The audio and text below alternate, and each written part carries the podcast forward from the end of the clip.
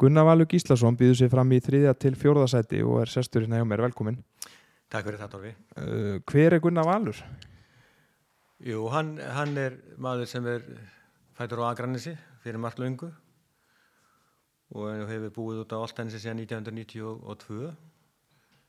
Nú ég, hún herfur mín, ég hef nú nýju börn og, og nei, fjögur börn og nýju barnabörn og reykum svona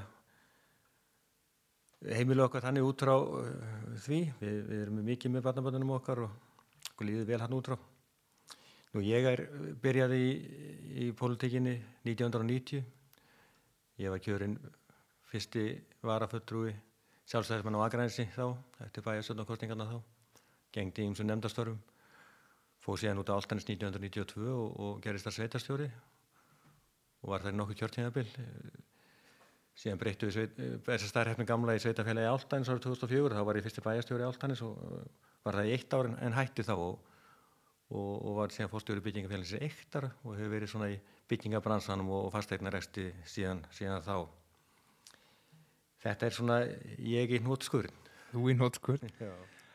Uh, oft spurjum við hvers vegna býður þú þið fram en þú ert þetta sitjandi bæjarfjöldrúi og, og sækist þetta endurkjöri sem slíkur.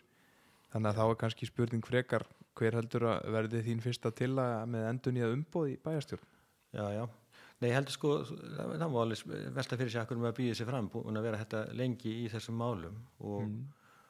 og ungt fólk bankar á dyrnar og, og, og allt því um líkt en, en ég segi fyrir mitt leiti að, að mér finnst ég að nokkur starf hér á unnið og ég er tilbúin að vinna Garðabæk gagn áfram, ég held að sé að nóga að taka og En hver er minn fyrsta tillaga? Það er kannski ekki gott að segja til um það því að við erum náttúrulega núna í bæjarstjórn að, að vinna að bæja málefnum og allt fram að, að lókum þessa kjörtíðabils og við erum að reyna að vinna því að uppfylla öll þau hundra fyrirheit sem við gáum sjálfstæðismenn, við gáum garbaðingum fyrir fjórum árum síðan.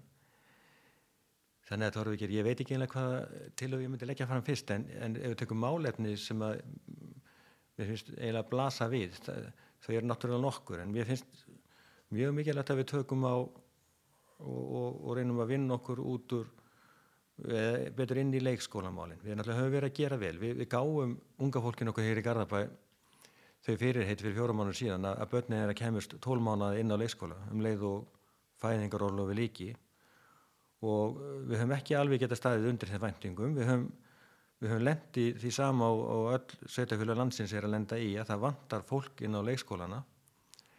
En ég, ég segi bara, ég sagt og ég segi aftur að við getum ekki uh, nota það uh, aftur og aftur, við verðum bara að vinna bug á því máli. Og mér finnst það að vera svona eða brínast uh, fyrir næsta höst að, að, að ungd fólk fái þá fullvísu að næsta höst komist börnin þeirra inn í leikskólana frá, frá tólmanna aldri. Við vinnum okkur aftur inn í þetta fyrirheit og, og fylgjum því eftir eins fastlegu getum næstu fjögur árin og ég er sannfærður um að við getum það. Það er einmitt næsta spurning sem ég ætla að spurja þig um það var í rauninni út í leikskólamálinu og kannski einmitt þennan mönnun á vanda og hvort þú hefur einhverjar hugmyndir eða einhverjar svona já, einhverjar pælingar um hvaða er sem við getum gert til þess að reyna að gera betur eða gera það þannig að fólk sæki í þessi störf. Jú, sko vandamáli í grunninn er það að það sækir allt og fánt úr fólk sér þessa mentun það er eh, leikskólan landsins fjölgar og, og þörf fyrir leikskólakennara eikst sífælt en fólki sem nær sér þessu mentun því fjölgar ekki að hratt og það er í raun grunn vandin og síðan þegar verið er að ráða eh, starfsfólk þá náttúrulega eh, við viljum fá menta starfsfólk en, en okkur tekst það náttúrulega ekki alltaf það, það, það er bara þannig. Og, og þá náttúrulega kemur þetta að, að, að kjörum fólks það snýst um það. Vinnumarkaðan á Íslandi er þannig í dag að við sjáum það bara núna í, í fréttum í gæru og fyrirdaga, það eru þúsundi starfa í bóði og það vantar fólk á öllum vikstöðum ég þekki það mjög vel í byggingarbransanum að hvort sem eru smiðir eða, eða, eða verkamenn, það vantar allstaðar fagfólk og, og, og við erum ekkit öðruvísið þar með leikskólan og okkar en þetta er bara mál sem þarf að vera sífælt í umræðinu hjá, hjá okkur og ég veit að fólki okkar á, á, á bæjarskastunni vinna mjög gott starf og, og leita loðandi ljósi og, gera allt sitt besta. Þannig að ég er fullið sem okkur tekst þetta allt saman. og við förum aðeins á hinn endan á líðfræðilega píramítanum eða líðfræðilegu líðfræðilega skalanum, málumni eldri borgara. Já, hvernig horfa þau við þér og kannski ekkit bara til fjögur ára heldur kannski bara til tí ára? Já, ég myndi segja sko eitt af stærri verkefnum bæjisverðna Garðabæjar á næstu árum og áratugum verður að byggja upp fyrir Garðabæ gott öldrunar samfélag og þar myndi ég segja við ættum að leggja megin áherslu á heilsutengdar forvarnir og líð heilsu eldra fólksins okkar. Við sjáum það bara á upplýsingur á Hagstofu Íslands. Hagstofu Íslands er að spá því að næstu 15 árin þá fjölgi Íslendingum 67 ára eldri um 60%. Við erum cirka 42.000, við erum með cirka 42.000 einstaklinga í dag í þessum aldurshópi en það, það stefnir í 68.000, uppinir 70.000 Íslendinga í 67 ára eldri eftir 15 ár. Þannig að þessu þarfum samfélagsins þarf að mæta og við vitum að það á líka við okkur í Garðabæ. Eldra fólkinu okkar hefum fjölga líka. Fólk lifi lengur sem betur fyrr og, og við, þurfum að, við þurfum að vinna að þessum málum.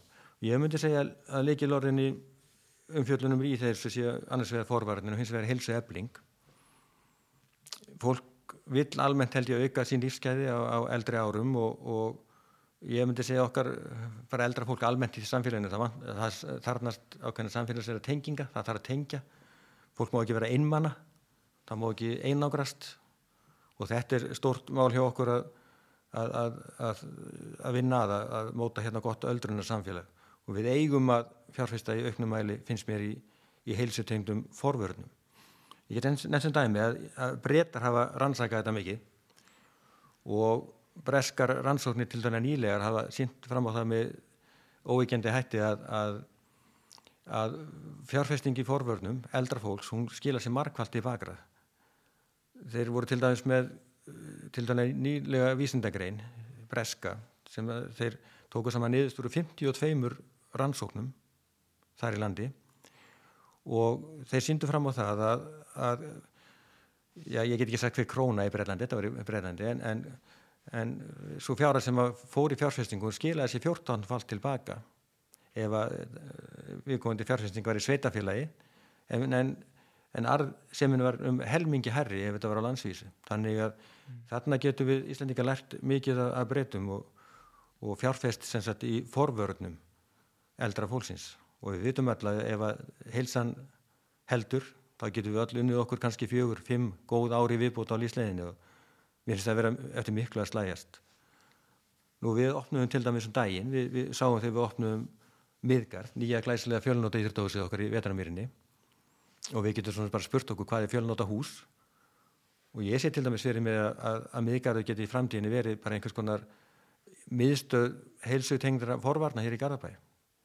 Til dæmis. Mm -hmm. við erum með þarna við getum mótað hana lífandi félagsmjöstuð fyrir fólk á öllum aldri og eldra fólki getur mætt þarna, það getur verið kaffihús, það getur verið heilsurækt, heilsufræðisla, þjálfun, mælingar, allt mögulegt og allt til þess að stöðla að því að eldra fólki okkar haldi heilsinsinn lengur. Mér finnst það eftir miklu að slæjast þarna. Og síðan getur lent líka uh, félagsastöðu, tómsundastöðu eldra fólks. Ef við tökum miðgarði vetramýri, við getum nefnt Altanesi með sitt litla gott, við erum búin að Uh, semja við þann aðeins sem byggja upp þar að þarna komi stórt rými um 500 fermetrar undir, undir félagsaðstöðu og tónsundaðarstöðu eldra fólks í Lambamýri. Og við getum nefnt Jónsús sjálandi, smiðjuna í kirkjukóli þess að fjóra fjóra já staði getum við sagt.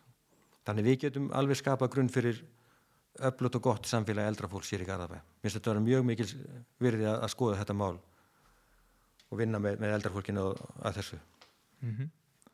En einhvers staðar þarf allt þetta fólk að búa bæði þetta eldra sem lifi lengur og svo unga fólki okkar. Hvernig horfa svona húsnæðismálinn við þér? Það eru auðvitað ákveðin hverfi sem eru að leiði uppbyggingu og, og eitthvað á teikniborðinu til framtíðar en, en hvaða svona áskoranir og hvað þurfu að hafa í huga þegar við fyrir mjög uppbyggingu?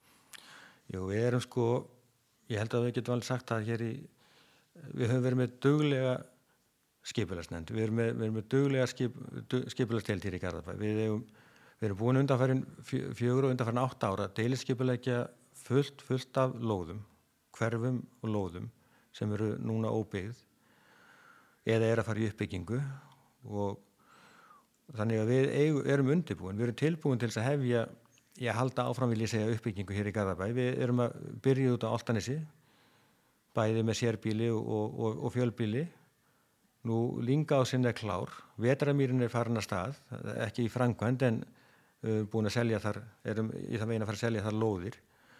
Nú Norrahöldi er allt bara á sínu stað ennþá, býður, þannig að við hefum gríðarlega mikið gagna af af fallegum og góðum svæðum til þess að, að byggja íbúðir. Þannig að við getum sagt að við höfum verið að skapa mikið frambúið af lóðum, við eigum það til og, og, og þær eru klárar. Uh, svona lokum og bara mjög opið, hvaða markmið hefur þú með áframhaldandi setu í bæðarstjórn? Hvað eru svona þínir áherslu punktar?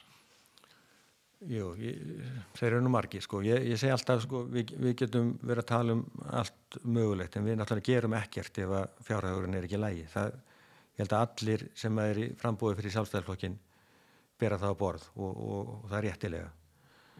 Það, bæri við völdum í Garðabæði hefur í gegnum tíðina auðnast að, að sína mikla festu við stjórn fjármála. Þannig að fjárhagur Garðabæðir er mjög sterkur.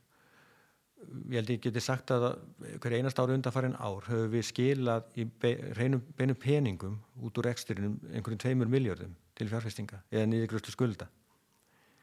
Þegar því er aftur það að við höfum geta fjárfestir í innviðum í stórum stíl og haldið skuldum eða lántökum sveitafélagsins innan hóleira marka skulum við segja.